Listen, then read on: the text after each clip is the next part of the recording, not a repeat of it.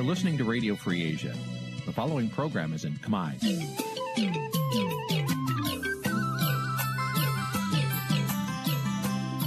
នេះជាកម្មវិធីផ្សាយ Vuthu Azizi Serai នេះជាកម្មវិធីផ្សាយរបស់ Vuthu Azizi Serai ជាភាសាខ្មែរ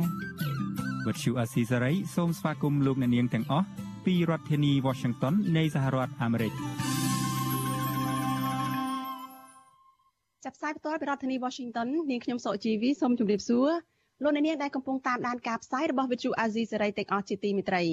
ចា៎យើងខ្ញុំសូមជូនកម្មវិធីផ្សាយសម្រាប់យប់ថ្ងៃច័ន្ទចា16កើតខែមករាឆ្នាំឆ្លូវត្រីស័កពុរសករាជ2565ចាប់ត្រូវនៅថ្ងៃទី10ទី20ខែធ្នូគ្រិស្តសករាជ2021ចាជាដំបូងនេះសូមអញ្ជើញលោកអ្នកនាងស្ដាប់ព័ត៌មានប្រចាំថ្ងៃដែលមានមេតិការដូចតទៅ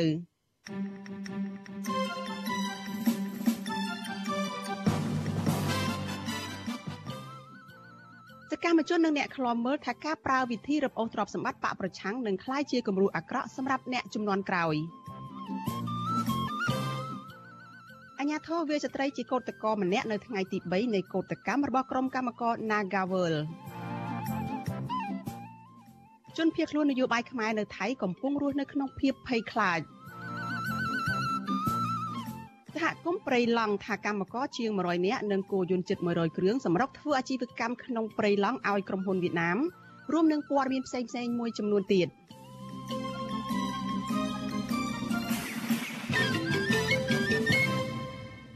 ចាជាបន្តទៅទៀតនេះនាងខ្ញុំសុជីវីសូមជូនព័ត៌មានទាំងនេះពិស្ដាចលនានាងជាទីមេត្រីតកតងនឹងការឆ្លងរាលដាលជំងឺ Covid-19 ចាលោកនាយរដ្ឋមន្ត្រីហ៊ុនសែននៅថ្ងៃទី20ខែធ្នូបានប្រកាសបិទបញ្ចប់ព្រឹត្តិការណ៍20កុម្ភៈនៃការឆ្លងជំងឺ Covid-19 ចូលទៅក្នុងសហគមន៍បន្ទាប់ពីលោកអះអាងថាស្ថានភាពជំងឺ Covid-19 បានធូរស្រាលឡើងវិញលោកថាជាក់ស្ដែងនៅថ្ងៃទី20ខែធ្នូនេះកម្ពុជាអត់មានករណីអ្នកដែលស្លាប់ដោយសារជំងឺ Covid-19 ទៀតនោះទេខណៈអ្នកឆ្លងថ្មីធ្លាក់ចុះមកនៅត្រឹម7នាក់ចាព្រឹត្តិការណ៍សហគមន៍20កុម្ភៈដែលមានរយៈពេល10ខែ បានធ្វើឲ្យកម្ពុជាមានអ្នកឆ្លងជំងឺ Covid-19 120,000នាក់ក្នុងនោះអ្នកជាសះស្បើយមានជាង110,000នាក់និងស្លាប់ជាង3,000នាក់ចលហ៊ុនសែនថ្លែងសារតាមរយៈសម្លេងថាជោគជ័យនៃការទប់ស្កាត់ជំងឺ Covid-19 នេះគឺដោយសារតែរដ្ឋាភិបាលបានសម្រុកចាក់វ៉ាក់សាំងជាបន្តបន្ទាប់លោកក៏មិនភ្លេចថ្លែងអំណរគុណទៅដល់ប្រទេសមួយចំនួនដែលបានផ្ដល់វ៉ាក់សាំងសម្រាប់កម្ពុជាដូចជាប្រទេសចិនអាមេរិកជប៉ុននិងអង់គ្លេសជាដើម។ ចាទន្ទឹមគ្នានេះលោកហ៊ុនសែនក៏ណែនាំឲ្យរដ្ឋមន្ត្រីក្រសួងសេដ្ឋកិច្ចនិងហិរញ្ញវត្ថុលោកអូនពាន់មនីរតនិងរដ្ឋមន្ត្រីក្រសួងសុខាភិបាលគឺលោកមុំប៊ុនហេងព្រមទាំងគណៈកម្មការចំពោះកិច្ចបន្តជំរុញការចាក់វ៉ាក់សាំងដូសជំរុញឬក៏ដូសទី3ឲ្យបានសម្រេចតាមការកំណត់ចានៅថ្ងៃដដែលនេះក្រសួងសុខាភិបាលក៏បានចេញសេចក្តីប្រកាសព័ត៌មានស្តីពីការអនុញ្ញាតឲ្យប្រើប្រាស់វ៉ាក់សាំងស៊ីណូវ៉ារបស់ចិន ដើម្បីចាក់ជាដូសជំរុញឬក៏ដូសទី3សម្រាប់កុមារនិងយុវជនដែលមានអាយុចន្លោះពី12ទៅដល់17ឆ្នាំចាក់ក្រសួងសុខាភិបាលប្រកាសថាគិតត្រឹមថ្ងៃទី19ខែធ្នូរដ្ឋាភិបាលចាក់វ៉ាក់សាំងជូនពលរដ្ឋដែលមានអាយុចាប់ពី5ឆ្នាំឡើងទៅនោះបានជាង14លាន2សែននាក់ក្នុងនោះអ្នកដែលចាក់បាន2ដូសគឺមានជាង13លាន5សែននាក់និងអ្នកដែលចាក់បាន3ដូសមានជាង3លាននាក់ ចលនានាងជាទីមេត្រីងាកមករឿងនយោបាយឯនេះវិញចាសកម្មជនគណៈបកសង្គ្រោះជាតិនិងអ្នកឃ្លាំមើលរិះគន់រដ្ឋាភិបាលលហ៊ុនសែនថាការជ្រើសរើសវិធីរពោទ្របសម្បត្តិគណៈបកដតីនឹងคล้ายទៅជាគំរូអាក្រក់សម្រាប់អ្នកចំនួនក្រោយរបស់គណៈបកកាន់អំណាចដែលធ្វើតាមលំអាននេះចាការរិះគន់នេះធ្វើឡើងក្រោយពេលដែលអាញាសាលានៃសាលាដំបងរាជធានីភ្នំពេញចាប់ផ្ដើមចុះវាយតម្លៃអចលនទ្រព្យពីស្នាក់ការគណៈបកសង្គ្រោះជាតិ នៅសង្កាត់ចាក់អង្រែលើខណ្ឌមានជ័យនៅថ្ងៃទី20ខែធ្នូនេះដើម្បីដាក់លក់ដោយបង្ខំយកលុយសងជំងឺចិត្តក្រុមអ្នកមេដឹកនាំបកកាន់អំណាចចាលោកមួនណារ៉េតមានសេចក្តីរាយការណ៍អំពីរឿងនេះក្រមសកម្មជននិងអ្នកគាំទ្រគណៈបកប្រឆាំងហៅការព្យាយាមរបស់រដ្ឋាភិបាល ក្នុងការបង្ខំលក់ទីស្នាក់ការគណៈបកសង្គ្រោះជាតិថាជាការឆក់ប្លន់ទ្រព្យសម្បត្តិរបស់ប្រជាពលរដ្ឋខ្មែរតាមរយៈការប្រើប្រាស់ប្រព័ន្ធតឡាការជាឧបករណ៍ ពួកគេបញ្ជាក់ជាថ្មីថាលុយទិញដីនិងសាងសង់អគារនោះមិនមែនជារបស់មេដឹកនាំបកប្រឆាំងលោកសំរងស៊ីនោះទេ តែជាលុយបានមកពីការរៃអង្គាសរបស់សមាជិកគណៈបកសំរងស៊ីមុនឆ្នាំ2013ប្រធានចលនាសង្គ្រោះជាតិប្រទេសជប៉ុនលោកហៃវ៉ាណាហៅវិធានការនេះថាធ្វើឡើងទាំងកំហឹង និងគ្មានអធិបុលធ្វើឲ្យគណៈបកប្រឆាំងញញើតនោះឡើយលោកយល់ថារដ្ឋាភិបាលគួរហ៊ានបើកផ្លូវឲ្យលោកសំរងស៊ីមកតតាំងក្តីនៅក្នុងតុលាការកម្ពុជាឬក៏រដ្ឋាភិបាលគួរតែដាក់ពាក្យប្តឹងទាមទារទ្រព្យសម្បត្តិលោកសំរងស៊ីនៅប្រទេសបារាំងទើបជារឿងត្រឹមត្រូវ មានការសោកស្ដាយនៅពេលដែលលោកហ៊ុនសែនគាត់ធ្វើអ្វីមួយទាំងកំហឹងកំហល់អញ្ចឹងណាវាដូចជាមិនសមជាថ្នាក់ដឹកនាំទេហើយបើគាត់ខឹងជាមួយសាមរងស៊ីគាត់មិនត្រូវព្រោះគ្នាជាមួយអាគារដែលជាសមិទ្ធផលរបស់ប្រជាពលរដ្ឋខ្មែរហ្នឹងទេវាជាទង្វើមួយដែលថោកទាបបំផុតហើយចំពោះថ្នាក់ដឹកនាំរូបអាជ្ញាសាលានៃសាលាដំបូងរាជធានីភ្នំពេញលោកទៀងសុភ័ណ្ឌបានដឹកនាំមន្ត្រីពាក់ព័ន្ធជាច្រើនអ្នកចុះទៅវាយតម្លៃអចលនៈទ្រព្យដូចជាអាគារនិងដីរបស់គណៈបកសង្គ្រោះជាតិ ស្ថិតនៅក្នុងភូមិព្រែកតកុងសង្កាត់ចាក់អង្រែលើនៅថ្ងៃទី20ខែធ្នូក្រោយការចុះពិនិត្យរួចសាលាដំបងរាជធានីភ្នំពេញមិនទាន់បង្ហាញលទ្ធផលឬបង្ហាញតម្លៃថាអចលនទ្រព្យនេះនឹងត្រូវដាក់ដេញថ្លៃលក់ចាប់ពីតម្លៃប្រមាណនោះទេវិទ្យុអាស៊ីសេរីមិនអាចសុំការបញ្ជាក់បន្ថែមពីអ្នកនាំពាក្យសាលាដំបងរាជធានីភ្នំពេញលោកអ៊ីរិននិងអ្នកនាំពាក្យគណៈបកប្រជាជនកម្ពុជាលោកសុកអេសានបាននៅឡើយទេនៅថ្ងៃទី20ខែធ្នូបើទោះបីជាយ៉ាងនេះក្តីលោកអ៊ីរិនធ្លាប់បានប្រាប់សារព័ត៌មាននៅក្នុងស្រុក ថាការចុះទៅស្រាវជ្រាវអំពីទំហំដីអចលនទ្រព្យនិងអាគារជាដើមនេះគឺជានីតិវិធីនៅក្នុងសំណុំរឿងដែលត្រូវអនុវត្តដោយបង្ខំពាក់ព័ន្ធនឹងករណីនេះដែរក្រុមអ្នកខ្លំមើលសង្គមមិនស្វាគមន៍វិធានការតឡាការនេះទេព្រោះពួកគេចាត់ទុកថារឿងនេះមិនមែនជាការអនុវត្តច្បាប់នោះឡើយព្រោះវាជាវិវាទនយោបាយសុទ្ធសាធ អ្នកសិក្សាផ្នែកច្បាប់លោកពុទ្ធកលកាយល់ថាចេតនានៃការចង់បំផ្លាញដល់ឫសគល់គណៈបកប្រឆាំងតាមរយៈការរឹបអូសទ្រព្យសម្បត្តិរបស់គណៈបកប្រឆាំងនៅពេលនេះនឹងធ្វើឲ្យមានការរិះគន់បន្ថែមទៀតទៅលើបកកណ្ដាលអំណាច យុវជនរូបនេះមិនលើកទឹកចិត្តឲ្យអ្នកនយោបាយប្រើវិធីនេះទេព្រោះវាមិនមែនជាដំណោះស្រាយនយោបាយនោះឡើយលោកពុតកលការថាការប្រើវិធីសាស្ត្ររឹបអូសទ្រព្យសម្បត្តិដៃគូដើម្បីបង្ក្រាបផ្នែកនយោបាយនេះនឹងក្លាយជាទម្លាប់អាក្រក់ដល់អ្នកជំនាន់ក្រោយ។ គឺជារឿងដែលខុសឆ្គងហើយវាជាគំរូអាក្រក់សម្រាប់អ្នកយោបាយចំនួនក្រោយរបស់គណៈបកខ្លួនឯងផ្ទាល់ហ្នឹងគណៈបកកំណែខ្លួនឯងផ្ទាល់ហ្នឹងដើម្បីយកជាគំរូអាក្រក់ក្នុងការធ្វើរឿងនឹងបន្តទៀតប្រសិនបើអនាគតកាលទៅមានគណៈបកប្រឆាំងដែលលេចធ្លោ ចៅក្រមសាលាដំបងរាជធានីភ្នំពេញលោកអឹមវណ្ណៈបានចេញលេខាចំនួន4ដាច់ដライពីគ្នាកាលពីខែវិច្ឆិកាបង្គាប់ឲ្យអាជ្ញាធររឹបអូសទ្រព្យសម្បត្តិលោកសំរងស៊ីនិងភរិយារបស់លោកយកទៅសងជំងឺចិត្តមេដឹកនាំបកកណ្ដាលអំណាចដូចជាលោកនាយរដ្ឋមន្ត្រីហ៊ុនសែនចំនួន1លានដុល្លារប្រធានរដ្ឋសភាលោកហេងសំរិនចំនួន6សែនដុល្លាររដ្ឋមន្ត្រីក្រសួងមហាផ្ទៃលោកសខេងចំនួន5សែនដុល្លារនិងស្ថាប័នរដ្ឋាភិបាលជាង4សែនដុល្លារ សំណងទាំងនេះកើតចេញពីលទ្ធផលនៃសេចក្តីសម្រេចរបស់តុលាការដែលធ្វើដោយគ្មានវត្តមានលោកសំរងស៊ីនៅក្នុងសវនាការជំនុំជម្រះក្តីនិងឲ្យលោកសំរងស៊ីចាញ់ក្តីជាបន្តបន្ទាប់ក្នុងសំណុំរឿងបាត់បរិហាគេក្រុមមេដឹកនាំបកកណ្ដាលអំណាច បើទោះបីជាច្បាប់កម្ពុជាចែងអំពីសវនាការចំពោះមុខដែលតម្រូវឲ្យមានវត្តមានជនជាប់ចោតនៅក្នុងពេលសវនាការយ៉ាងណាក្តីរដ្ឋាភិបាលលោកហ៊ុនសែនបានបិទផ្លូវនឹងរារាំងមិនឲ្យលោកសំរងស៊ីអាចវិលចូលមកកម្ពុជា ដើម្បីចូលតតាំងក្តីនៅចំពោះមុខក្នុងសវនាការទាំងនោះបាននោះឡើយខ្ញុំបាទមុងណារ៉េត With you Azizari ពីរដ្ឋធានី Washington ចាលោកនាងជាទីមេត្រីចាតកតនៅរឿងនេះដែរចាទីខ្ញុំនៅមានសម្ភារផ្ទាល់មួយជាមួយនឹងអ្នកសិក្សាផ្នែកច្បាប់ចាដែលលោកនៅមកជជែកបន្ថែមអំពីរឿងនេះនៅពេលបន្តិចទៀតនេះចាយើងងាកទៅរឿងដាច់ដライមួយទៀតចារដ្ឋមន្ត្រីក្រសួងមហាផ្ទៃជំរុញឲ្យអាជ្ញាធរនៅជាប់ព្រំដែនប្រទេសថៃឲ្យបង្កើនការទប់ស្កាត់ក្រុមមេខ្យល់ដែលនាំមនុស្សឆ្លងដែនដោយខុសច្បាប់ចាការអំពាវនាវនេះធ្វើឡើងក្រោយដែលក្រសួងមហាផ្ទៃចាសូមអធិស្ឋានរកឃើញថាក្រុមមេខ្យល់ នៅតែសម្រុកនាំពលករឆ្លងដែនទាំងប្រថុយប្រឋានទៅប្រទេសថៃជាបន្តបន្ទាប់ចាមន្ត្រីសង្គមស៊ីវិលយល់ថាដើម្បីដោះស្រាយបញ្ហានេះរដ្ឋាភិបាលគួរតែបង្កើតក្រុមការងារនៅក្នុងស្រុកឲ្យចាបង្កើតការងារនៅក្នុងស្រុកឲ្យបានច្រើនដើម្បីឲ្យប្រជាពលរដ្ឋធ្វើរកប្រាក់ដោះស្រាយជីវភាពនៅក្នុងគ្រួសាររបស់ពួកគាត់ចាសូមស្ដាប់សេចក្តីរាយការណ៍របស់លោកសនច័ន្ទរដ្ឋាអំពីរឿងនេះ រដ្ឋមន្ត្រីក្រសួងមហាផ្ទៃលោកសខេងថ្លែងក្នុងពិធីសម្ពោធដែលប្រាប្រាស់មជ្ឈមណ្ឌលទទួលពលករសម្ចតនៅតំបន់ព្រំដែនស្រុកគំរៀងខេត្តបាត់ដំបងនៅថ្ងៃទី20ខែធ្នូថាអាញាធរខេត្តបាត់ដំបងនិងខេត្តជាប់ព្រំដែនថៃទាំងអស់បង្កើនការយកចិត្តទុកដាក់ជួយដល់ពលករខ្មែរដែលត្រឡប់មកពីប្រទេសថៃឲ្យបានល្អលោកសខេងក៏ជំរុញឲ្យទប់ស្កាត់ក្រុមមេខ្យល់ដែលនាំមនុស្សឆ្លងដែនខុសច្បាប់ផងដែរសូមលើកទឹកចិត្តដល់គ្រប់ស្ថាប័នពាក់ព័ន្ធទាំងអស់ជាពិសេសអាជ្ញាធរខេត្តបាត់ដំបងអាជ្ញាធរខេត្តពាក់ព័ន្ធ អង្គការដៃគូសហការទាំងអស់បន្តលើកកម្ពស់កិច្ចសហការក្នុងកិច្ចការពារជនរងគ្រោះគ្រប់ប្រភេទគ្រប់វ័យនិងគ្រប់និន្នាការជាពិសេសក្នុងចំណោមពលករទេសន្តប្រវេស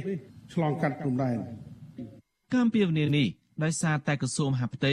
រកឃើញថាមួយរយៈនេះមានពលករខ្មែរជាច្រើនអ្នកត្រូវបានមេខ្យល់នាំឆ្លងដែនដោយបថុយប្រឋានធ្វើរកការងារនៅប្រទេសថៃដោយខុសច្បាប់ បច្ចុប្បន្នក្រសួងមហាផ្ទៃបានធ្វើមជ្ឈមណ្ឌលទទួលពលករខ្មែរសម្ចតចំនួន2កន្លែងគឺនៅស្រុកកំរៀងខេត្តបាត់ដំបងនិងក្រុងប៉ោយប៉ែតខេត្តបន្ទាយមានជ័យដើម្បីពិគ្រោះផ្ដល់យោបល់ឲ្យសម្រួលដល់ពលកររងគ្រោះដែលត្រឡប់មកពីប្រទេសថៃជុំវិញរឿងនេះពលករខ្មែរម្នាក់ដែលទើបឆ្លងដែនទៅធ្វើការនៅប្រទេសថៃលោកសូពិសិនបានប្រាប់វិទ្យុអាស៊ីសេរីថាមូលហេតុដែលលោកបង្ខំចិត្តឆ្លងដែនប្រថុយប្រឋានអំឡុងពេលនេះដោយសារជីវភាពក្រីក្រហើយអត់ការងារធ្វើនៅក្នុងស្រុក លោកបញ្ជាក់ថាសប្តាហ៍មានពលករខ្មែរច្រើនអ្នកសម្រាប់ឆ្លងដែនទៅប្រទេសថៃដើម្បីរកការងារធ្វើរកប្រាក់ដោះស្រាយជីវភាពនិងសូមបំណុលធនាគាររហូតដល់តែទុកផ្ទះចោលរាប់ឆ្នាំដើម្បីរកមកដោះបំណុលគេហើយធនាគារខ្លះអត់មានថាយោគយល់លើសមួយថ្ងៃពីរថ្ងៃគឺវិន័យតែដល់ពេលគេបង់មុនគឺអត់វិន័យទេគឺគិតតែពីខ្លួនឯងម្ដងបានអីយោគយល់ខ្លះគឺវិន័យមិនមែននេះទេមួយថ្ងៃចិនការអាច ទៅជា1ដុល្លារចុះដល់ពេល4 5ថ្ងៃទៅចិនការទៅគ្នាមកធ្វើការនៅស្រុកថៃស្អីទៅតកែបើកឲ្យវាមិនទៀងទាត់ឧបមាថាកន្លះខែបើកម្ដងចិនការវាអាចលើស2ថ្ងៃ3ថ្ងៃចឹងដោយឡែកមន្ត្រីសម្របសម្រួលសមាគមការពារសិទ្ធិមនុស្សអាត់ហុកលោកយឹមមីលី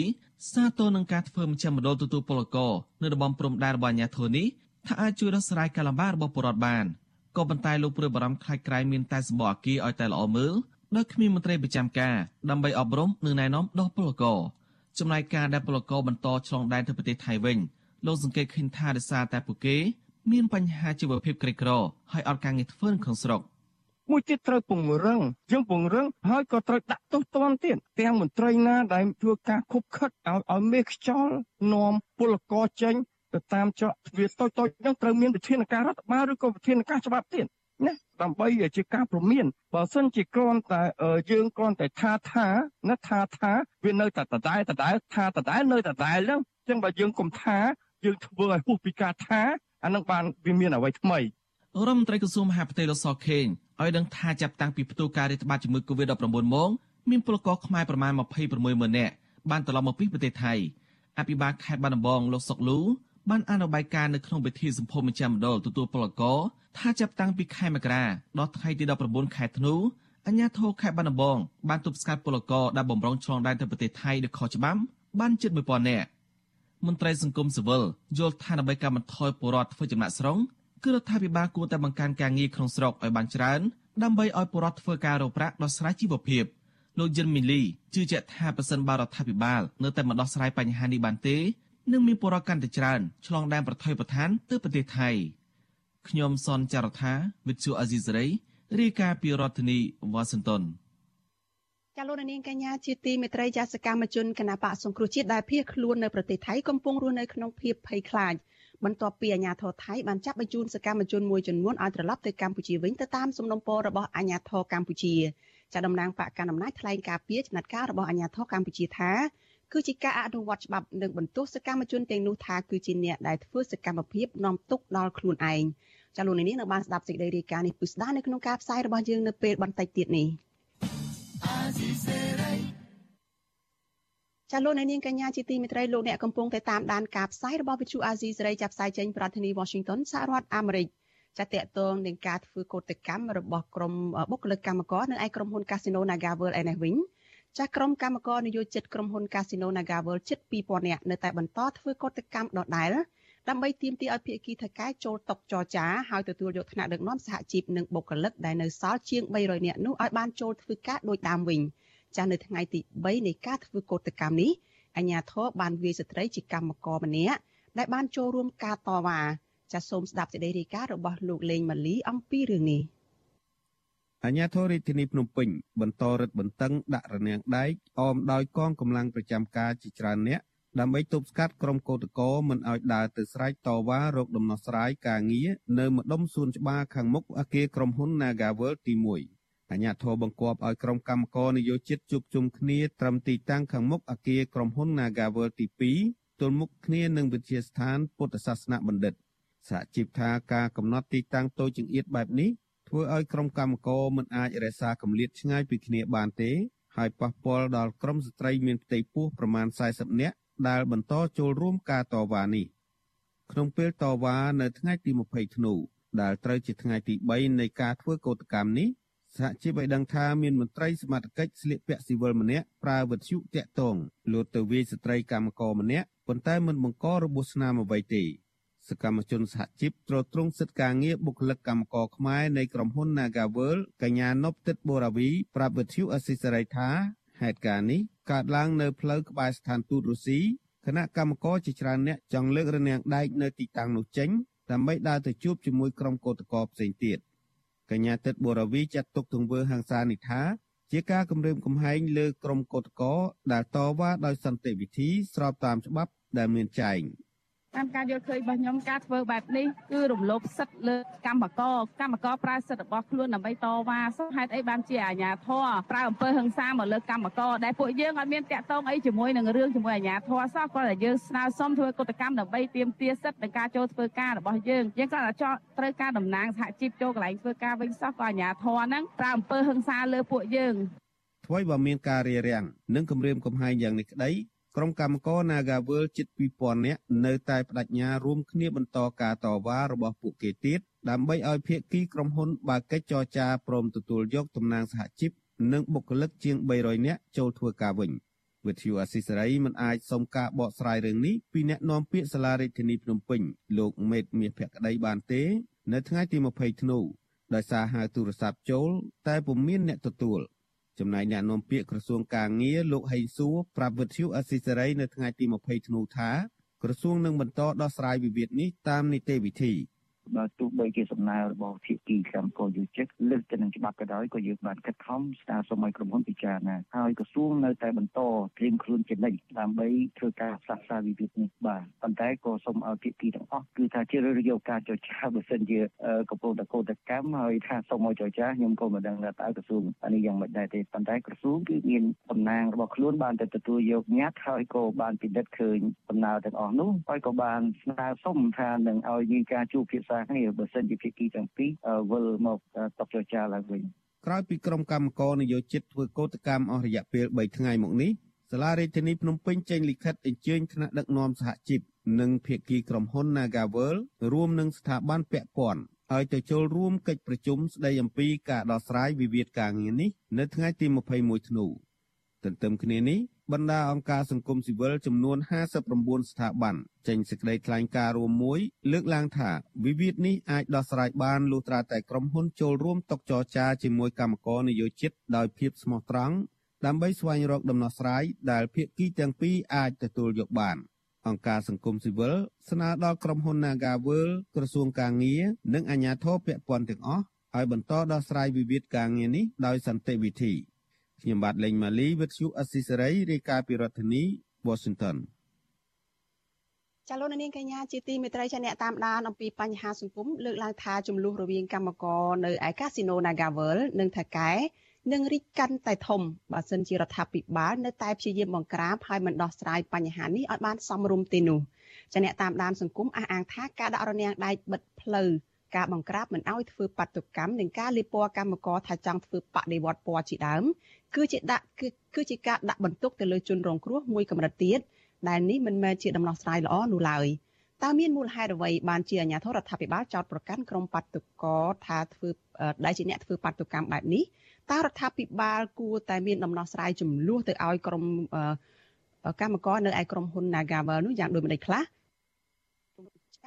នៈបទសម្ភាសអំពីរឿងនេះនៅក្នុងការផ្សាយរបស់យើងដល់ពេលបន្តិចចលនានេះជាទីមិត្តរីតកតងនឹងរឿងនេះដែរចាក្រុមអង្គការសង្គមស៊ីវិលចាត់ទុកសាររបស់មន្ត្រីជាន់ខ្ពស់ក្រសួងការងារគឺលោកហេងសួរហាក់ថាគម្រាមកំហែងនិងលៀបពណ៌ចំពោះកម្មករនិងអ្នកការពារសិទ្ធិការងារដែលអនុវត្តសិទ្ធិស្របច្បាប់ដែលជាការដែលផ្ដល់ ហើយក៏ជាការដែលផ្ដល់ប្រយោជន៍ទៅឲ្យជនខិលខូចបន្តរំលោភសិទ្ធិពលករខ្មែរតទៅទៀតចាប់ប៉ុន្តែមន្ត្រីជាន់ខ្ពស់ក្រសួងកាងារលោកហេងសួរអះអាងយ៉ាងខ្លីថាខ្លឹមសារដែលលោកលើកឡើងនោះបានបង្ហោះនៅលើ Facebook កន្លងមកនោះមិនមែនមានន័យគម្រាមកំហែងរារាំងឬក៏លៀបពណ៌ទៅដល់ក្រុមណាមួយនោះទេដោយលោកគ្រាន់តែចង់ចែករំលែកចំណេះដឹងដើម្បីទប់ស្កាត់សកម្មភាពបដិវត្តពណ៌តែប៉ុណ្ណោះចាំមន្ត្រីសង្គមស៊ីវិលនិងថ្នាក់ដឹកនាំសហជីពលើកឡើងថា ការអនុវត្តសិទ្ធិរបស់ក្រមសហជីពនិងកម្មករកំពុងតែដើរថយក្រោយពីព្រោះអ្នកអនុវត្តសិទ្ធិដោយសន្តិវិធីស្របច្បាប់តែងតែរងនឹងការគំរាមកំហែងស្ទើរគ្រប់ទម្រង់ពីមន្ត្រីរដ្ឋាភិបាលជាបន្តបន្ទាប់ប្រធានសហព័ន្ធសហជីពកម្មករចំណីអាហារនិងសេវាកម្មកម្ពុជាលោកស្រីឧទិផលីនថ្លែងថាមន្ត្រីរដ្ឋាភិបាលមួយចំនួនមានផ្នត់គំនិតដកជាប់ការចោទប្រកាន់ទៅលើកម្មករទៅលើសហជីពអ្នកការពីសិទ្ធិថាជាអ្នកដែលក្បត់ជាតិញុះញង់និងបដិវត្តពណ៌ជាដើម មន្ត្រីសង្គមស៊ីវិលរូបនេះសង្កេតឃើញថាអាញាធររដ្ឋាភិបាលមិនដែលបញ្ចេញសារណាមួយដាក់បន្ទុកទៅលើជនខិលខូចដែលរំលោភច្បាប់នោះទេអ្នកស្រីយល់ថាសាររបស់មន្ត្រីរដ្ឋាភិបាលនៅពេលនេះហាក់ដូចជាផ្ដល់សញ្ញាជាការដែលផ្ដល់ប្រយោជន៍ទៅដល់ថៃកែឬក៏បើកដៃឲ្យពួកគេរំលោភសិទ្ធិពលករខ្មែរតាមទំនឹងចិត្តយើងអត់ដែលឃើញខាងពាក្យពេចការលើកឡើងពីខាងអាជ្ញាធរហ្នឹងទៅដាក់បន្ទុកទៅនយោជកអីអាការលើកឡើងបែបហ្នឹងដែលហាក់ជាសញ្ញា នៅការផ្ដល់អំណោយផលទៅឲ្យនយោជកហ្នឹងមិនត្រឹមតែនយោជក Naga ទេគឺនយោជកទាំងអស់នៅក្នុងវិស័យឯកជនហ្នឹងអ្នកណាដែលចែងតែមលោកបំពេញសិទ្ធិកម្មករហ្នឹងបានដៃតែសារតែមានការដល់ជាអំណោយផលនិងបរិយាកាសងាយស្រួលដោយសារតែទ្រឹស្ដីពាក្យទាំងអស់ហ្នឹងឯងចាប់ប្រធានសមាគមប្រជាធិបតេយ្យឯករាជ្យនៃសេដ្ឋកិច្ចក្រៅប្រព័ន្ធហៅកាត់ថា IDEA គឺលោកវុនពៅឯនោះវិញលោកលើកឡើងថា កម្មករនយោជិតមានសិទ្ធិធ្វើកោតកម្មបាតុកម្មដោយសន្តិវិធីដែលមានចែងនៅក្នុងអនុសញ្ញារបស់អង្គការពលកម្មអន្តរជាតិនិងរដ្ឋធម្មនុញ្ញកម្ពុជាដោយសកម្មភាពទាំងនោះមិនមែនជាបដិវត្តពណ៌នោះឡើយលោកមើលឃើញថាកន្លងមកអ្នកប្រើប្រាស់សិទ្ធិទាំងនោះតែងតែរងការលាបពណ៌តាមរយៈការបង្កើតព័ត៌មានคล้ายៗនៅក្នុងបណ្ដាញសង្គមហើយលោកបញ្ជាក់ទៀតថាប្រទេសដែលគោរពសិទ្ធិមនុស្សនិងលទ្ធិប្រជាធិបតេយ្យនិងនីតិរដ្ឋពិតប្រាកដមន្ត្រីរដ្ឋាភិបាល ត្រូវប្រើប្រាស់តួនាទីរបស់ខ្លួនដោះស្រាយបញ្ហាជូនប្រជាពលរដ្ឋដោយក្របសីលធម៌និងមានទំនួលខុសត្រូវខ្ពស់ហើយជៀសវាងការប្រើប្រាស់ពាក្យពេចន៍ដែលបង្កើតឲ្យមានរូបភាពគំរាមកំហែងបំផិតបំភ័យឬមិនសមរម្យណាមួយដែលប៉ះពាល់ទៅដល់ពួកគេជាពិសេសនៅក្នុងអំឡុងពេលដែលពួកគេកំពុងតែអនុវត្តសិទ្ធិរបស់ពួកគេនោះយើងឲ្យតែមានការតវ៉ាដូចជារឿងដីធ្លីការតវ៉ារបស់សង្គមស៊ីវិលរបស់សហជីពរបស់កម្មករនយោជិតតែងតែមានការបង្កើត ព័ត៌មានឬក៏ fake news ឬក៏ account Facebook คล้ายๆហ្នឹងលាបពណ៌ថាក្រុមហ្នឹងសិតតែក្រុមបដិវត្តពណ៌ក្រុមប្រឆាំងក្រុមអីគឺខ្ញុំមើលទៅវាជារូបភាពមួយវាអាក្រក់ណាស់សម្រាប់ប្រទេសមួយដែលសរសេរនៅក្នុងរដ្ឋធម្មនុញ្ញគោរពសិទ្ធិមនុស្សគោរពលទ្ធិប្រជាធិបតេយ្យ ចាប់ប្រតិកម្មរបស់ក្រុមអង្គការសង្គមស៊ីវិលនេះគឺបន្ទាប់ពីរដ្ឋលេខាធិការនិងជាអ្នកនាំពាក្យក្រសួងកាងារគឺលោកហេងសួរដែលជាមនុស្សស្និទ្ធជាមួយនឹងលោកហ៊ុនម៉ាណែតបានបង្ហោះសារនៅលើ Facebook ជាបន្តបន្ទាប់ដែលទំនងជាសម្ដៅទៅដល់ក្រុមកម្មករនៅឯកាស៊ីណូ Nagavel ដែលធ្វើកោតកម្មទាមទារដំណោះស្រាយការងារថាអ្នកដែលប្រើប្រាស់អនិច្ចជនឬស្ត្រីជាពិសេសទៅមានកូនជាពិសេសស្ត្រីដែលមានកូនខ្ចីឬមានផ្ទៃពោះដើម្បីចូលរួមតវ៉ាអ្វីមួយគឺជាតាក់ទិកមួយ ដែលសរសេរនៅក្នុងក្បួនរបស់អ្នករៀបចំចលនាបរិវត្តពណ៌នៅប្រទេសណាមួយលោកបន្តថាអ្នករៀបចំផែនការតែងចង់ឲ្យមានគ្រោះថ្នាក់ដោយចៃដន្យទៅលើអនិច្ចជនឬស្ត្រីដើម្បីទាក់ទាញនិងបញ្ឆេះកំហឹងមហាជនលោកបញ្ជាក់ថាតតិចនេះពួកគេអាចប្រើបានតែនៅដើមឆ្នាំ2000និងឆ្នាំ2010ប៉ុន្តែអាជ្ញាធរមានសមត្ថកិច្ចប្រទេសនានាតែងតែចាត់វិធានការទៅលើមេខ្លោងនិងជនដៃដល់ដែលអនុវត្តផែនការនោះបានទាន់ពេលវេលា ចាលើសពីនេះលោកហេងសួរនឹងប្រព័ន្ធឃោសនាគាំទ្ររដ្ឋាភិបាលគឺ Fresh News ថែមទាំងព្យាយាមផ្សព្វផ្សាយព័ត៌មានដាក់បន្ទុកទៅលើថ្នាក់ដឹកនាំសហជីពប្រចាំក្រុមហ៊ុន Nagavel ថាមានការជួយជ្រោមជ្រែងពីជនបរទេសហើយថែមទាំងគាំទ្រឲ្យសមត្ថកិច្ចចាត់វិធានការផ្លូវច្បាប់ទៅលើពួកគាត់ថែមទៀតផងអ្នកប្រើបណ្ដាញសង្គម Facebook ជាច្រើនបានរិះគន់នឹងចាត់ទុកសារនោះថាធ្វើឡើងក្រោមហេតុផលលៀបពណ៌ចោតប្រកាន់ខុសទំនងនិងអគុណធម៌ ស្របពេលដែលបុគ្គលិកក្រុមហ៊ុន Casino NagaWorld កំពុងធ្វើកោតកម្មទាមទាររកដំណោះស្រាយចំពោះការរំលោភសិទ្ធិការងារពីសំណាក់ថៅកែលើសពីនេះពួកគេបានបញ្ចេញមតិទៀតថាក្រុមហ៊ុន Casino NagaWorld គួរតែចេញមកដោះស្រាយដោយមានការសម្របសម្រួលពីអាជ្ញាធរហើយហេតុអ្វីបានជាអាជ្ញាធរប្រែក្លាយទៅជាអ្នកនាំពាក្យរបស់ក្រុមហ៊ុន និងដើរតួនាទីជាក្រុមហ៊ុនទៅវិញចាត់ទោះយ៉ាងណា រដ្ឋលេខាធិការក្រសួងការងារនិងបណ្ដុំបណ្ដាលវិជ្ជាជីវៈលោកហេងសួរបកស្រាយខ្លឹមសារថាអ្វីដែលលោកបានបង្ហោះនៅលើបណ្ដាញសង្គម Facebook នេះមិនសំដៅទៅលើនរណាម្នាក់នៅកម្ពុជាឬក្នុងន័យគម្រាមកំហែងរារាំងនិងលៀបពណ៌ទៅដល់ក្រុមណាមួយនោះដែរដោយលោកគ្រាន់តែចែករំលែកចំណេះដឹងជាទូទៅអំពីតាក់ទិចធ្វើបដិវត្តពណ៌តែប៉ុណ្ណោះ។ ហើយមែនតើទៅខ្ញុំគិតថាវាជាព័ត៌មានទូទៅដែលភាគីទាំងអស់ទាំងជនជាតិកម្ពុជាក៏ដូចជាអាជ្ញាធរឬមួយបុគ្គលទាំងអស់គឺថាអាចយកវាធ្វើជាព័ត៌មានមួយដើម្បីធ្វើការប្រយ័ត្នប្រយែងទាំងអស់គ្នាជាជាងហើយមិនដឹងឬមួយក៏ធ្វើទៅមានគេប្រើប្រាស់រូបភាពនេះរូបភាពនោះតែវាគួរតែជាចំណេះដឹងវាគួរតែជាព័ត៌មានដែលយើងដឹងហើយគេហៅថាបកពិសោធន៍ហើយប្រយ័ត្នប្រយែងនៅក្នុងការអនុវត្តកិច្ចការនេះមួយឲ្យបានល្អទៅប៉ុណ្ណោះ ចាលោកហេងសួរដែលជាមនុស្សចំណិតរបស់លោកហ៊ុនម៉ាណែតនោះធ្លាប់រងការរិះគន់លោកថាជាមនុស្សដៃឆៅម្នាក់កាលពីឆ្នាំ2018មានខ្សែអត្ថសម្លេងមួយបានបែកធ្លាយនឹងត្រូវអ្នកប្រើប្រាស់បណ្ដាញសង្គម Facebook ចែកចាយព្រមព្រៀងដែលគេសង្ស័យថាជាសម្លេងរបស់អ្នកនាំពាក្យក្រសួងកាងារគឺលោកហេងសួរនិយាយអំពីការរៀបចំផែនការជួលក្រុមជនពីលឲ្យបង្កអំពើហិង្សានិងបង្កើតទៅជាព្រឹត្តិការណ៍គ្រោះថ្នាក់ចរាចរណ៍ជាដើមដើម្បីធ្វើបាបក្រុមប្រឆាំង និងអ្នករិះគន់នៅក្រៅប្រទេសនិងនៅក្នុងប្រទេសកម្ពុជាប៉ុន្តែករណីនេះមិនត្រូវបានអាជ្ញាធរបើកការស៊ើបអង្កេតនោះទេចាស់គិតចាប់តាំងពីថ្ងៃទី18ខែធ្នូក្រុមកម្មករនៅឯកាស៊ីណូ Naga World ជិត2000នាក់បានធ្វើកោតកម្មដោយសន្តិវិធីចំនួន3ថ្ងៃហើយដើម្បីទាមទារឲ្យថៃកែបនលបែងមួយនេះគោរពសិទ្ធិការងារនិងទទួលយកបុគ្គលិកជាង300នាក់ឲ្យចូលធ្វើការវិញបើទោះបីជាអាជ្ញាធររាប់រយនាក់ ត្រូវគេបានដាក់ពង្រាយនិងរារាំងការធ្វើដំណើរនិងមិនអោយតវ៉ាក៏ដោយក៏ពួកគេនៅតែបន្តធ្វើកោតកម្មតទៅទៀតលុះត្រាតែភាគីថៃកែព្រមទទួលយកបុគ្គលិកឲ្យចូលធ្វើការវិញចាំមន្ត្រីគ្រប់គ្រងកម្មវិធីសិទ្ធិការងារនៃអង្គការសង្ត្រាល់ចាគឺលោកខុនថារ៉ូលោកយល់ថាការលើកឡើងរបស់មន្ត្រីជាន់ខ្ពស់ក្រសួងការងារនៅលើបណ្ដាញសង្គមគឺជាសិទ្ធិសម្ដែងមតិប៉ុន្តែប្រជាពលរដ្ឋគឺជាអ្នកវិនិច្ឆ័យ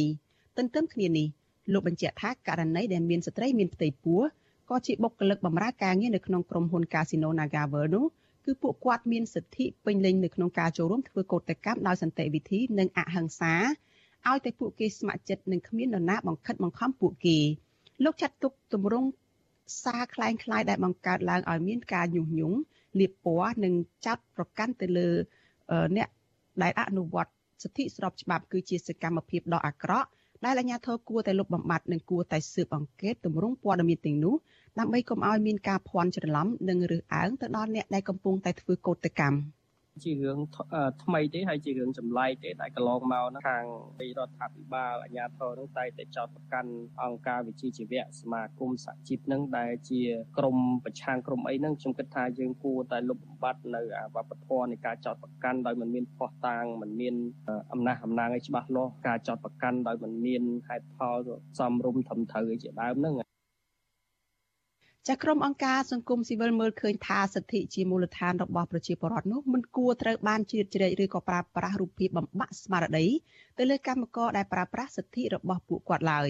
ចាពួកគាត់យល់ថាសារព្រមានពីមន្ត្រីរដ្ឋាភិបាលកើតឡើងជារឿយៗ ហើយក្រមសហជីពនឹងតែងតែប្រឈមការចោទប្រកាន់តាមប្រព័ន្ធតុលាការជាបន្តបន្ទាប់ក្រោយពួកគេចេញមុខការពារសិទ្ធិដែលទទួលរងនៅអំពើអយុត្តិធម៌ចំពោះការអនុវត្តច្បាប់មិនស្មើភាពគ្នាគ្មានតម្លាភាពនិងគ្មានប្រសិទ្ធភាពចាក្រមមេដឹកនាំសហជីពលើកឡើងទៀតថា សិទ្ធិសេរីភាពរបស់ក្រុមកម្មករនយោជិតបច្ចុប្បន្ននេះកំពុងតែដើរថយក្រោយ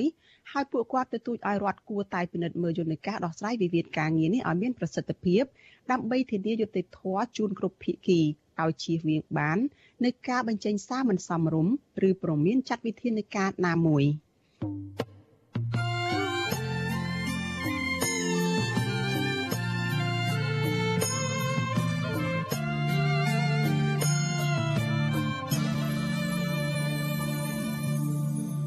ចាលោកនាងកញ្ញាជាទីមេត្រីចាព័ត៌មានតកតងនឹងវិស័យអប់រំឯនេះវិញចាក្រសួងអប់រំប្រកាសរឹតបន្តឹងការប្រឡងបាក់ឌុបឆ្នាំ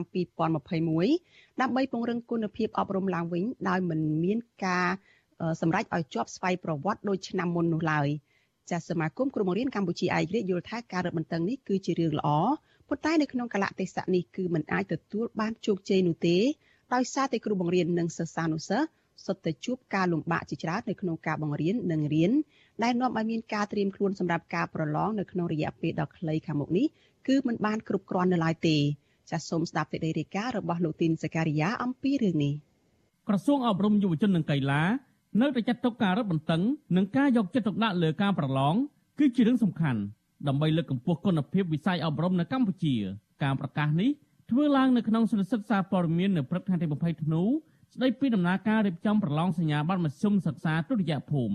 រដ្ឋមន្ត្រីក្រសួងអប់រំយុវជននិងកីឡាលោកហុងជុននរនលើកឡើងថាក្រសួងនឹងមានការដាក់ពិន័យទៅតាមកម្រិតទោសនៃការល្មើសបទបញ្ជាផ្សេងៗរបស់បេក្ខជនដូចជាការដាក់បន្ទុកសូនទៅលើមុខវិជ្ជាណាមួយដែលមានការលួចចម្លងគ្នាការឲ្យធ្លាក់បាក់ឌុបដោយស្វ័យប្រវត្តិនិងការព្យួរឈ្មោះមិនឲ្យប្រឡងរយៈពេល2ឆ្នាំជាដើម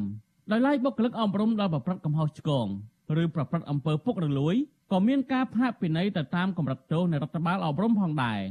ដូចជាការចេញលិខិតស្ដីបន្ទោសការផ្អាកជាបណ្ដោះអាសន្នពីការងារការបណ្តេញចេញពីការងារការលុបឈ្មោះចេញពីការដំឡើងឋានន្តរស័ក្តិនិងការដាក់ឲ្យចូលនិវត្តន៍មុនកាលកំណត់ជាដើមលោកអះអាងថាការរឹតបន្តឹងបែបនេះគឺដើម្បីគុណភាពអប់រំនិងដើម្បីឲ្យសិស្សានុសិស្សដែលចប់បាក់ឌុបមានការទទួលស្គាល់សមត្ថភាពនិងងាយរកការងារធ្វើជាដើម ទោះជាយ៉ាងណាលោកថាក្រសួងបានខិតខំជំរុញឲ្យសិស្សទទួលនៅការពង្រឹងសមត្ថភាពយ៉ាងពេញលេញតាមរយៈការបើកដំណើរការបង្រៀនតាមបណ្ដុំនិងការបង្រៀនតាមអនឡាញជាដើមទើបក្រសួងហ៊ានរឹតបន្តឹងការប្រឡងដូចនេះ ចឹងមិនចង់ឲ្យមានថាសញ្ញាបត្រកូវីដទេចង់ឲ្យសញ្ញាបត្រហ្នឹងមានគុណភាពដូចគ្នាដូច្នេះយើងយកវិធីសាស្ត្រមួយទៀតគឺការជួយគ្រប់គ្រងសិស្សនៅពេលរៀនវិញ លើកទឹកចិត្តឲ្យគាត់រៀនផ្ដល់ឯកសារជូនគាត់ឲ្យបានគ្រប់គ្រាន់ ក្រសួងគិតថាក្រសួងក៏បានខ្លឹងខ្លែងនៅបញ្ហានឹងយ៉ាងប្រុងប្រយ័ត្នដោយមិនចង់ឲ្យមានស្តង់ដារ2 3នៅក្នុងការប្រឡងហើយក៏មិនឲ្យសិស្សនឹងបាក់ទឹកចិត្តដែរគឺយើងរៀបចំការប្រឡងនៅចុងឆ្នាំដើម្បីឲ្យសិស្សនឹងមានពេលគ្រប់គ្រាន់ជាខ្ញុំជឿជាក់ថាយើងនឹងអាចដោះស្រាយបញ្ហានេះបានក្រសួងអប់រំយុវជននិងកីឡាបានចេញសេចក្តីប្រកាសព័ត៌មានស្តីពីការរៀបចំការប្រឡងសញ្ញាបត្រមធ្យមសិក្សាទុតិយភូមិ ដោយកំណត់យកថ្ងៃទី27ធ្នូឆ្នាំ2021ដោយគោរពតាមគោលការណ៍សំខាន់សំខាន់4យ៉ាងគឺគោលការណ៍ច្បាប់យុត្តិធម៌តម្លាភាពនិងលទ្ធផលទទួលយកបាន ការប្រឡងនេះនឹងប្រព្រឹត្តទៅរយៈពេល2ថ្ងៃហើយក្រោយពីមានការបូកស្រង់បន្ទុកនិងផ្ទៀងផ្ទាត់បន្ទុករួចក្រសួងនឹងប្រកាសលទ្ធផលប្រឡងបាក់ឌុបនៅថ្ងៃទី18មករាសម្រាប់រាជធានីភ្នំពេញនិងថ្ងៃទី19មករាឆ្នាំ2022សម្រាប់បណ្ដាខេត្តផ្សេងៗ បេក្ខជនចុះឈ្មោះប្រឡងសរុបមានចំនួនជាង1សែននាក់មានមណ្ឌលប្រឡងសរុប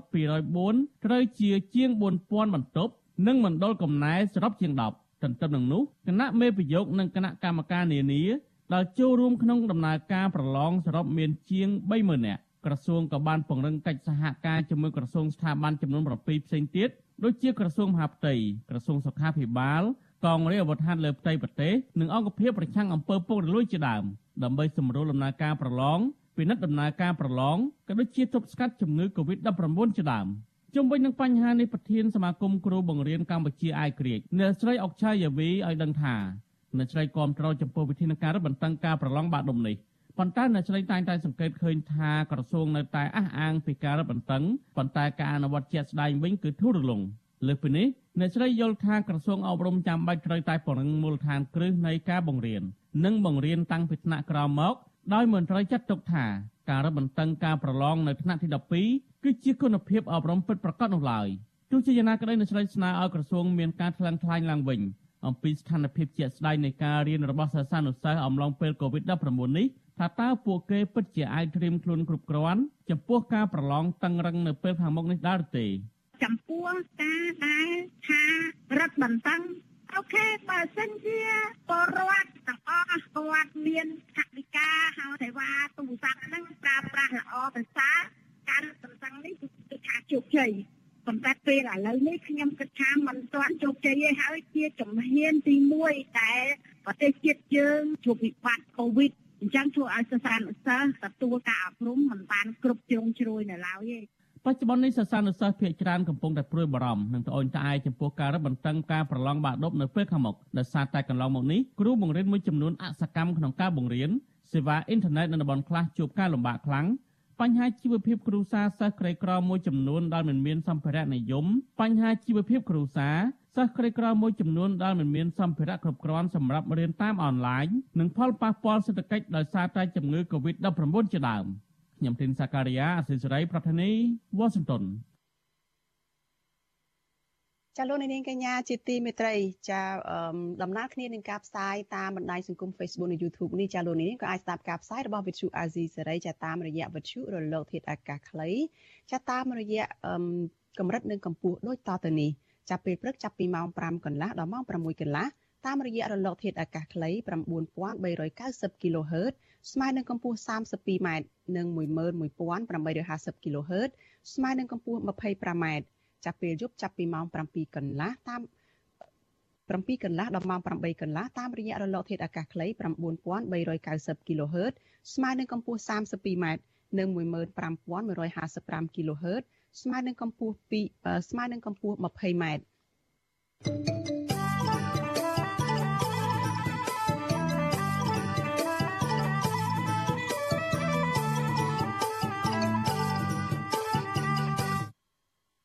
ចលនាជាទីមិត្តរីសេចក្តីរាយការណ៍តាក់ទងទៅនឹងការរឹប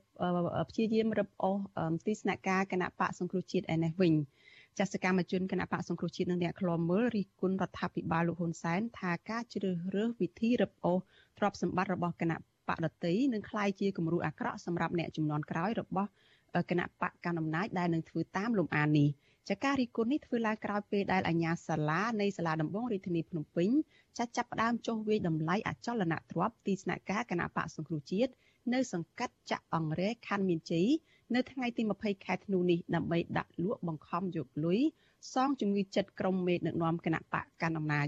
ចាតតទៅនឹងរឿងនេះចានាងខ្ញុំមានសម្ភារផ្ទាល់មួយជាមួយនឹងលោកវ៉ាន់ចាន់ឡូតដែលលោកជាអ្នកសិក្សាផ្នែកច្បាប់ចាយើងនឹងជជែកគ្នាបន្ថែមអំពីរឿងនេះថាតើរឿងនេះអឺអាចថាជាគំរូអាក្រក់អីយ៉ាងម៉េចខ្លះសម្រាប់អ្នកចំនួនក្រោយរបស់បកកណ្ដាលអំណាចនោះ ចាជំរាបសួរចិនឡូតពីចម្ងាយចាបាទជំរាបសួរលោកស្រីសុជីរីបាទចាលោកវ៉ុនចាន់ឡូតតើមើលឃើញយ៉ាងម៉េចចាចំពោះការដែលចាប់ផ្ដើមឈានទៅដល់ការវាយតម្លៃទីស្នាក់ការគណៈបកសង្គ្រោះជាតិដើម្បីលក់យកប្រាក់សងជំងឺចិត្តទៅដល់មេដឹកនាំគណៈបកកណ្ដាលអំណាចនៅពេលនេះចា៎បាទករណីនេះ យើងមើលឃើញវាជាករណីថ្មីមួយទៀតនៅក្នុងឆាកនយោបាយ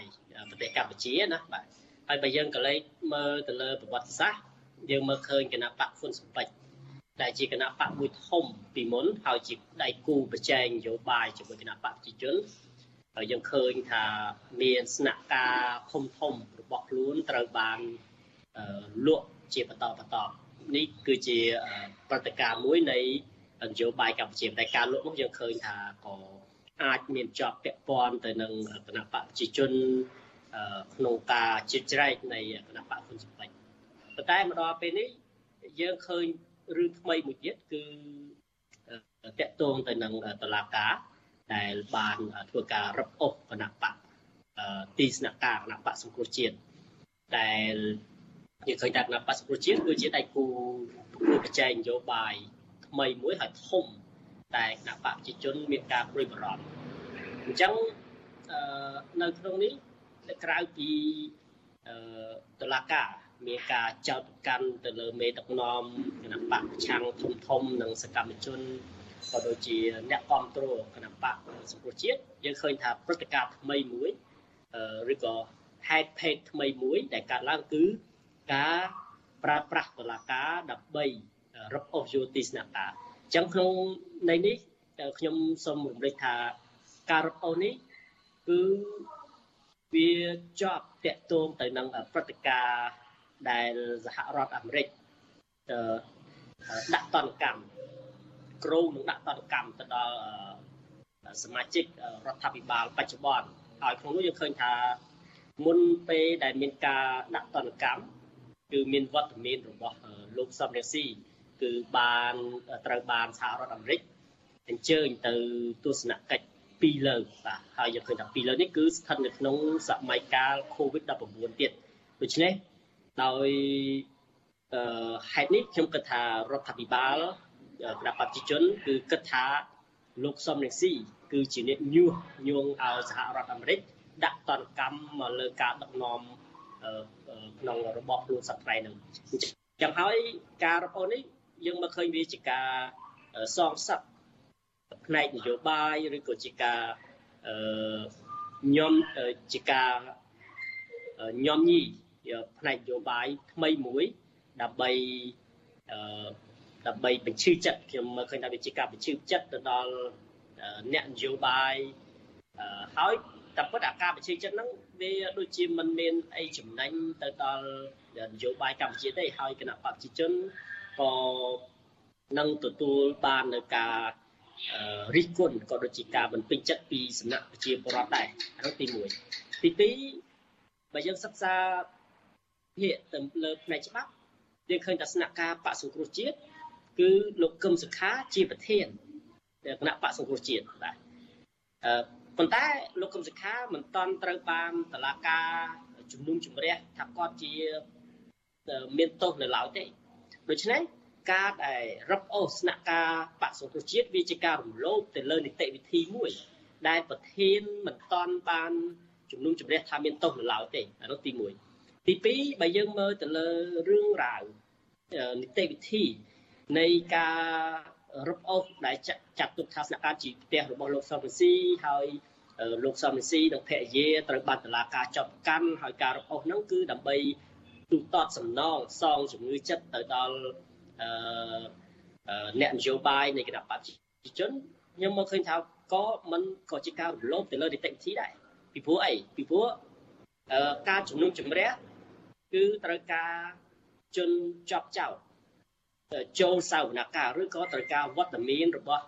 លោកសំរងស៊ីនិងអ្នកពាក់ព័ន្ធផ្សេងទៀតប៉ុន្តែជាស្ដែងយើងឃើញថាសាវនកម្មរលើគឺអត់មានវត្តមានរបស់លោកសំរងស៊ីទេ អញ្ចឹងក្នុងនេះវាជាការរំលោភនីតិវិធីហើយអាការដែលដែលកាត់ទោសកំបាំងមុខនោះតែពិតបើសិនជាកូនក្តីគឺมันមានឆន្ទៈនៅក្នុងការចូលហ្នឹងគឺយើងអាចប្រាប់ប្រតិវិធីកំបាំងមុខបានប៉ុន្តែជាស្ដែងយើងឃើញថាលោកសំស៊ីគឺគាត់ព្យាយាមចូលប្រទេសប៉ុន្តែគឺมันអាចចូលទៅបានអញ្ចឹងកន្លែងនេះខ្ញុំមើលឃើញនីតិវិធីច្បាប់វាដូចជាមានការ សំញាប់បន្តិចហើយតឡាការហាក់ដូចជាមានការរំលោភទៅលើនីតិវិធីនៃការជំនុំជម្រះដោយយុត្តិធម៌និងត្រឹមត្រូវនោះបាទចាចំពោះលោកចាន់ឡូតវិញលោកមើលឃើញយ៉ាងម៉េចថាធ្វើម៉េចដើម្បីឲ្យមើលទៅឲ្យឃើញថាជារឿងនេះជារឿងស្របច្បាប់នៅពេលដែលលោកមើលឃើញថាមានការរំលោភនីតិវិធីអីចឹងចាករណីនេះករណីនេះយើងមើលឃើញវាជាករណីនយោបាយសុខសាស្ត្រខ្ញុំមិន មើលឃើញក្នុងការវិភាគទៅលើផ្នែកច្បាប់ណាមួយជាងទេបាទពីព្រោះវាជាករណីនយោបាយសុខសាស្ត្រអឺហើយបើយើងវិភាគអំពីយុទ្ធសាស្ត្រនៃគណៈបកប្រជាជនការដែលអឺវាកំតិចយើងហៅថាវាកំតិចមូលដ្ឋានឬក៏ទីតាំងដៃគូនយោបាយរបស់ខ្លួនជាអ្វីដែលគណៈបកប្រជាជនតែងតែធ្វើនិងចង់ធ្វើពីព្រោះបើអឺការដែល វាកំតិចនៅមូលដ្ឋានឬក៏ការ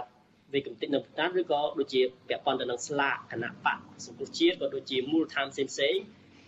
វាអាចជាជំរើសមួយដែរដែលចំណេញទៅដល់គណៈបកប្រជាជនពីព្រោះអ្វីទាំងអស់ហ្នឹងវាពាក់ព័ន្ធទៅដល់ការរៀបចំនៅសកម្មភាពនយោបាយពីព្រោះសកម្មភាពនយោបាយទីមួយគឺត្រូវការទីតាំងច្បាស់លាស់ទី2អឺជាការកា ត់បន្ថយនៅអត្តពលនៃគណៈបកប្រឆាំងពីព្រោះបើចង់ត្រឡប់ទៅធ្វើស្លាកគណៈបកឬក៏បង្កើតស្នាក់ការអីផ្សេងគឺសុទ្ធតែត្រូវការថាវិការត្រូវចំណាយលុយច្រើនដែរដូច្នេះយុទ្ធសាស្ត្រមួយនេះគឺខ្ញុំមើលឃើញថាជាអ្វីដែលគណៈបកប្រជាជនប្រើប៉ុន្តែសម្រាប់កម្ពុជាអឺយើងហាក់ដូចជាចាត់ទុកដៃគូនយោបាយគឺជាសត្រូវ នៅពេលដែលសត្រូវអ្នកនយោបាយតែងតែប្រើប្រាស់នៅយុទ្ធសាស្ត្របែបសង្គ្រាមយកមកអឺប្រើនៅក្នុងនយោបាយបែបជាធិបតេយ្យដល់អញ្ចឹងវាទៅជារឿងដែលស៊ីសាច់ហត់ឈាមគ្នាឬក៏យកមកទៅដូចទៅក្នុងឆាកប្រយុទ្ធនៃគូសត្រូវគ្នាអញ្ចឹងអញ្ចឹងកន្លែងហ្នឹងដែលដែលវាពិបាកនៅក្នុងការវិភាគទាញយកផ្នែកច្បាប់យកមកនិយាយបើយើងនិយាយយើងមិនដឹងជានិយាយជ្រុងណាឲ្យវាត្រូវបាទ ពីព្រោះរឿងវាកើតពីរឿងនយោបាយហើយវាត្រូវការដោះស្រាយដោយអ្នកនយោបាយនិងសម្របសម្រួលតាមផ្នែកនយោបាយបាទចាអឺអ្នកដែលគាត់តាមដានឬក៏អឺខ្លំមើលរឿងនយោបាយនេះគាត់លើកឡើងថានេះអាចជាគំរូអាក្រក់បានន័យថារឿងរ៉ាវនៃការដែលទៅញោមញីទៅធ្វើទុកបុកម្នេញទៅធ្វើឲ្យគេគ្មានជំរកអីអស់នេះ មិនបញ្ចប់ទេនឹងបន្តទៅទៀតទៅដល់អ្នកចំនួនក្រោយនៃគណៈបកកណ្ដាលអំណាចទៅទៀតតើលោកវ៉ាន់ចាន់លូតមើលឃើញយ៉ាងម៉េចចាស់ត្រង់ចំណុចនេះជាការពិតដូចខ្ញុំបានលើកឡើងពីដំបូងអញ្ចឹងវាជារូបភាពថ្មីមួយនៃការញញីផ្នែកនយោបាយហើយវាក៏ជាការកាត់បន្ថយអត្តពលទៅដល់គណៈបកប្រឆាំងដែរគឺតាមរយៈមិនឲ្យមាននៅស្នាក់ការឬក៏មូលដ្ឋានរឹងមាំច្បាស់លាស់បាទអញ្ចឹងមានមានទៅគណៈបកផ្សេងផ្សេងឬក៏គណៈបក គណៈបកឧទាហរណ៍ទៅគណៈបកប្រឆាំងចង់បង្កើតសាថ្មីឡើងវិញគឺវាត្រូវការចំណាយពេលវេលាទី1ត្រូវការចំណាយថវិកាដូច្នេះអឺវិធីកាត់កាត់ផ្ដាច់គេហៅថាកាត់បន្ថយផ្នែកសេដ្ឋកិច្ចឬក៏ធ្វើឲ្យខាតពេលវេលាខ្ញុំគិតថាមានផលប្រយោជន៍សម្រាប់គណៈបកប្រជាជនបាទហើយប៉ុន្តែនយោបាយនៅកម្ពុជាដែលជា រូបភាពនេះវាជាការបង្ហាញនៅគំរូភាពអាក្រក់សម្រាប់អ្នកនយោបាយចំនួនក្រោយហើយគឺការដែលយើងចូលចិត្តប្រើយុទ្ធសាស្ត្រសង្គ្រាមយកមកប្រើប្រាស់នៅក្នុងនយោបាយប្រជាធិបតេយ្យគឺយើងចាត់ទុកគ្នាជាសត្រូវយើងប្រើយុទ្ធសាស្ត្រសង្គ្រាមបំផ្លាញមូលដ្ឋានបំផ្លាញទីតាំងសត្រូវរបស់ខ្លួនយើងយកមក apply យើងយកមកអនុវត្តគឺបំផ្លាញមូលដ្ឋានឬក៏ដែលយើងហៅថាស្នាក់ការឬក៏ស្លាកនៃ គណៈបកនៃដែលជាដៃគូនយោបាយរបស់ខ្លួនហ្នឹងអញ្ចឹងយើងប្រើដល់ទៅពេលប្រើវាមិនចំណេញទៅដល់ជាតិឯណាហើយខ្ញុំគិតថាប្រជាពលរដ្ឋក៏មិនទៅគ្រប់គ្រងការធ្វើនយោបាយបែបហ្នឹងដែរហើយបើអ្នកចំនួនក្រោយអឺអ្នកចំនួនក្រោយអាចនឹងរៀនតាមបាទយើងឃើញថាគណៈបកប្រជាជនគឺកំពុងតែរៀបចំនៅអ្នកចំនួនថ្មីដូច្នេះអ្នកចំនួនថ្មីអាចនឹងរៀនតាមហើយ ធ្វើនៅអាគំរូភាពអាក្រក់ហ្នឹងជាបន្តបន្តទៀតហើយនយោបាយបែបហ្នឹងគឺអត់ចំណេញតែគឺមានតែការបញ្ឆេះកំហឹងពីព្រោះនៅពេលដែលយើងអឺធ្វើទុកបុកម្នេញសពបែបយ៉ាងទៅដល់ដៃគូនយោបាយរបស់យើងมันបានធ្វើឲ្យអ្នកទាំងនោះគាត់ពេញចិត្តឬក៏គាត់អឺអឺនៅស្ងៀមតែទោះបីយ៉ាងណាគឺគាត់ត្រូវតែមានការឈឺចាប់ហើយរូបភាពបែបហ្នឹងយើងមកឃើញប្រជាប្រដ្ឋគឺមានការឈឺចាប់ ដោយរូបភាពមួយដែលខ្ញុំលើកឡើងនៅពេលដែលរូបស្លាកគណៈបកសង្គ្រោះជាតិគឺប្រជាប្រដ្ឋមានការឈឺចាប់វាហាក់ដូចជារឿងដែលមិនគួរនឹងកើតមានសោះនៅក្នុងសង្គមប្រជាធិបតេយ្យដែលយើងគិតថាទីមូលដ្ឋាននៃគណៈបកក៏ដូចជាស្លាកគណៈបកហ្នឹងត្រូវបានគណៈបកមួយផ្សេងទៀតអាចដកហូតឬក៏អាចរកអស់តាមតែអំពើចិត្តនឹងបាទចា មែនតើទៅការជឿចាប់របស់ប្រជាប្រដ្ឋដែលជាម្ចាស់ឆ្នោតនេះគឺកើតមានរហូតមកហើយចាតាំងពីមានការរំលាយគណៈបកសង្គ្រោះជាតិមានការដកហូតតួនាទីតំណែងក្រមប្រឹក្សាឃុំសង្កាត់ដែលប្រជាប្រដ្ឋបានបោះឆ្នោតឲ្យដែលផ្ទាល់ដៃនេះហើយឥឡូវនេះ ក៏នៅមានការជឿចាប់បន្តទៅទៀតនៅក្នុងចំណោមប្រជាពលរដ្ឋដែលជាអ្នកដែលគ្រប់គ្រងគណៈបកប្រឆាំងចាអរគុណច្រើនលោកវ៉ាន់ចាន់ឡូតចាដែលបានចំណាយពេលផ្ដល់ការសម្ភាសន៍នៅយុគនេះចាជំរាបលាលោកត្រឹមប៉ុណ្ណេះចាជូនពរសុខភាពល្អចាបាទអរគុណច្រើនបាទ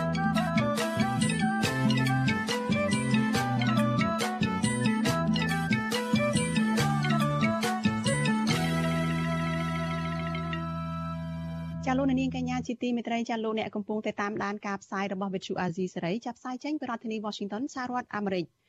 ចាសកម្មជនគណៈបកសង្គ្រោះជាតិដែលភៀសខ្លួននៅប្រទេសថៃកំពុងរស់នៅក្នុងភាពភ័យខ្លាចបន្ទាប់ពីអាជ្ញាធរថៃបានចាប់បញ្ជូនសកម្មជនមួយចំនួនឲ្យត្រឡប់មកកម្ពុជាវិញតាមសំណើរបស់អាជ្ញាធរកម្ពុជាចាតំណាងបកកណ្ដាលអំណាចថ្លែងការពីចំណាត់ការរបស់អាជ្ញាធរកម្ពុជានេះថាជាការអនុវត្តច្បាប់ និងបន្ទោសសកម្មជនទាំងនោះទៅវិញទេ ថាជាអ្នកដែលធ្វើសកម្មភាពនាំទុកឲ្យខ្លួនឯងចាសសូមស្ដាប់សេចក្តីរាយការណ៍មួយទៀតរបស់លោកមួងណារ៉េតអំពីរឿងនេះ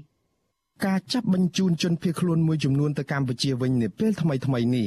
បានបង្កភាពភ័យខ្លាចជាខ្លាំងដល់សមាជិកគណៈបកសង្គ្រោះជាតិដែលកំពុងតែរស់នៅភៀសខ្លួនក្នុងប្រទេសថៃ ពួកគាត់លើកឡើងប្រហាក់ប្រហែលគ្នា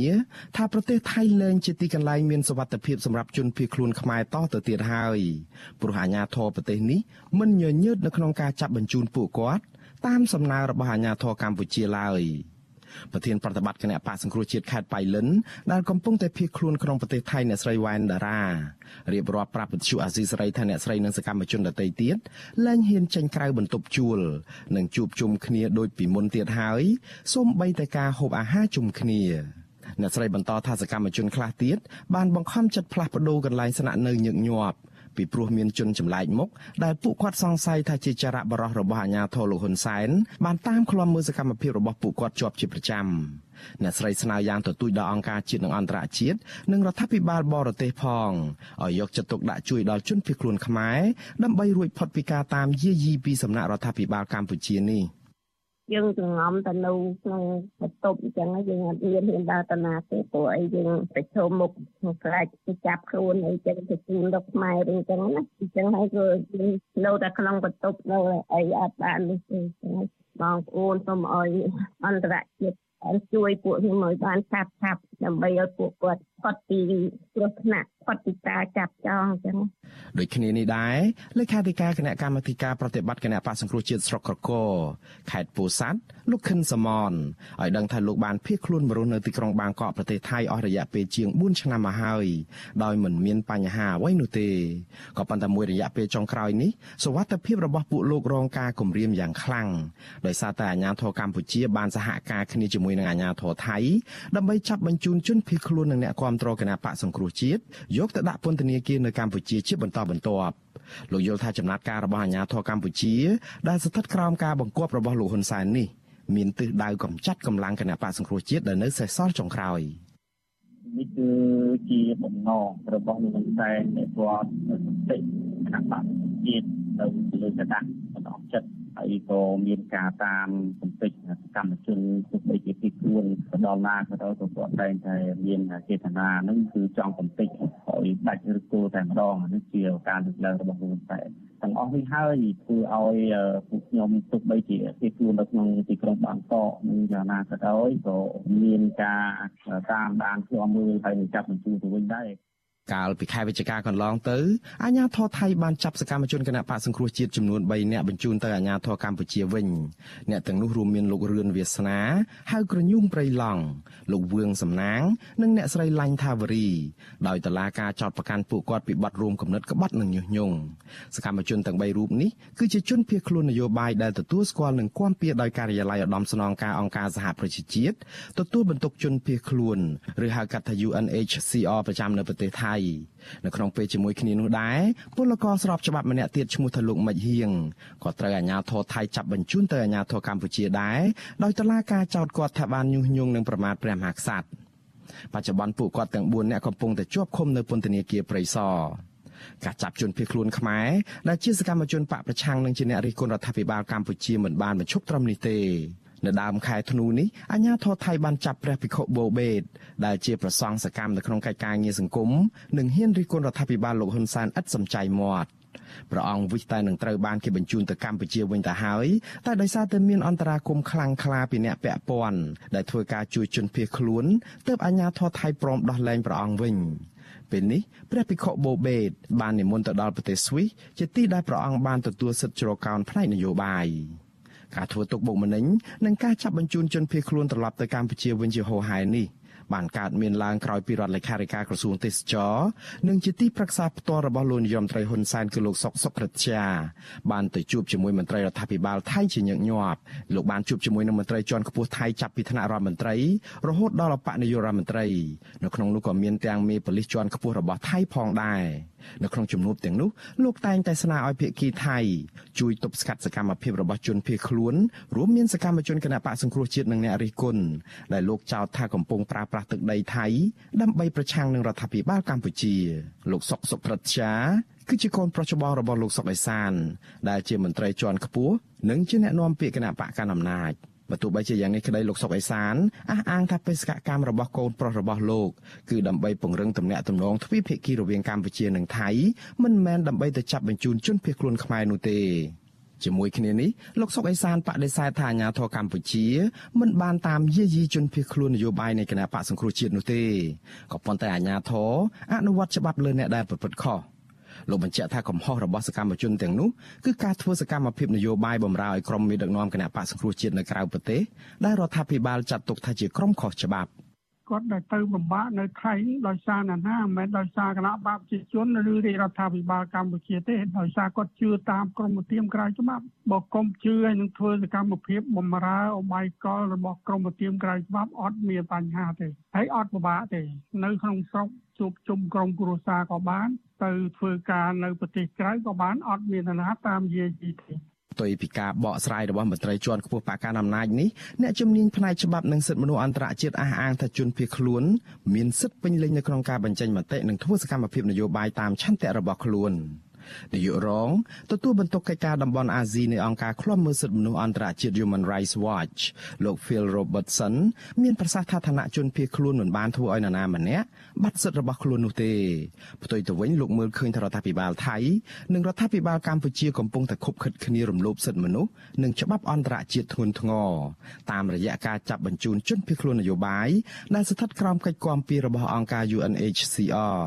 លោកយល់ថាការបង្ក្រាបជនភៀសខ្លួនខ្មែរនៅពេលនេះជាការប៉ុនប៉ងបំបិតសម្លេងរបស់គណៈបកប្រឆាំងនៅក្រៅប្រទេសពីសំណាក់រដ្ឋាភិបាលលោកហ៊ុនសែន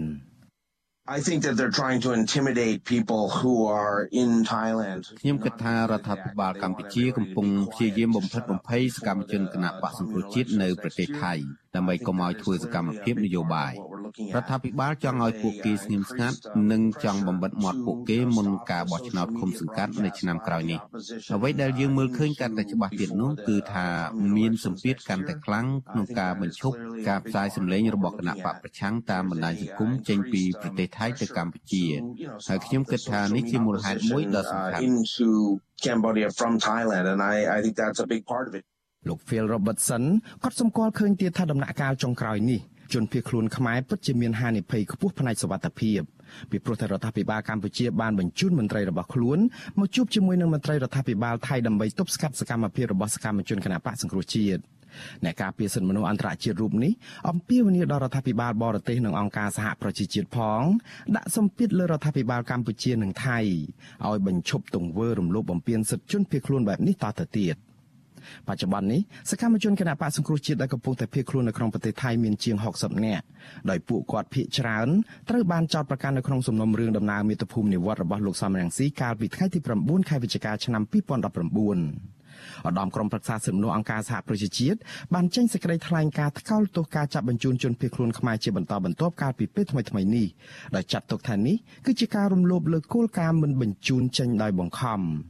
ស្ថាប័នកម្ពុជាផ្នែកសិទ្ធិមនុស្សមួយនេះអំពាវនាវដល់អាជ្ញាធរថៃឲ្យបញ្ឈប់ការចាប់បញ្ជូនជនភៀសខ្លួនទៅប្រទេសកំណើតដោយបង្ខំបែបនេះតទៅទៀតនិងស្នើដល់អាជ្ញាធរកម្ពុជាឲ្យទម្លាក់ចោលបទចោទប្រកាន់ដែលមានចរិតនយោបាយប្រឆាំងនឹងសកម្មជននយោបាយហើយដោះលែងពួកគាត់វិញជាបន្ទាន់និងដោយឥតលក្ខខណ្ឌ។ ដូចគ្នានេះដែរក្រុមសកម្មជនគណបកសង្គ្រោះជាតិទទូចឲ្យរដ្ឋាភិបាលលោកហ៊ុនសែនបញ្ឈប់ការធ្វើទុកបុកម្នេញពួកគាត់ដែលជាជនភៀសខ្លួនតទៅទៀតជាពិសេសត្រូវស្ដារលទ្ធិប្រជាធិបតេយ្យនិងការគោរពសិទ្ធិមនុស្សឡើងវិញពួកគាត់បញ្ជាក់ថាមានតែការធ្វើបែបនេះទេទើបសហគមន៍អន្តរជាតិផ្ដល់តម្លៃឲ្យរដ្ឋាភិបាលកម្ពុជា ក្នុងពេលដែលកម្ពុជាធ្វើជាប្រធានបដូវវេនអាស៊ាននៅឆ្នាំ2022ហើយកម្ពុជា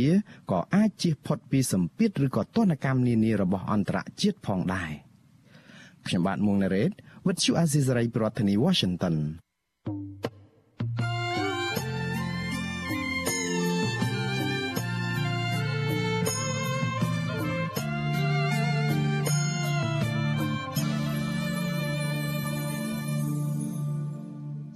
ងកញ្ញាជាទីមេត្រីចាដំណើរគ្នានឹងការផ្សាយផ្ទាល់តាមបណ្ដាញសង្គម Facebook និង YouTube នេះចាលោកនាងក៏អាចស្ដាប់ការផ្សាយរបស់វិទ្យុអាស៊ីសេរីចាតាមរយៈវិទ្យុរលកធាតុអាកាសខ្លី SW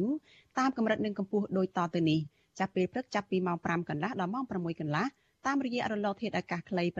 9390 kHz ស្មើនឹងកម្ពស់ 32m និង11850 kHz ស្មើនឹងកម្ពស់ 25m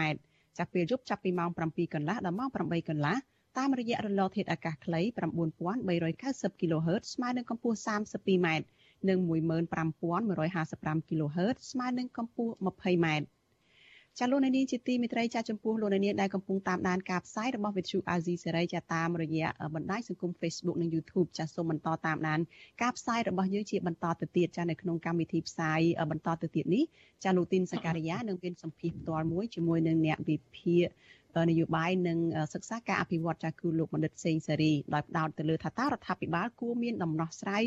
ចំនួននៅឯក្រុមហ៊ុន Casino Nagawer នោះយ៉ាងដូចម្តេចខ្លះចាសសូមតាមដានការផ្សាយរបស់យើងជាបន្តទៅទៀតដូចតទៅចា៎នេះខ្ញុំសូមអរគុណសូមជម្រាបលា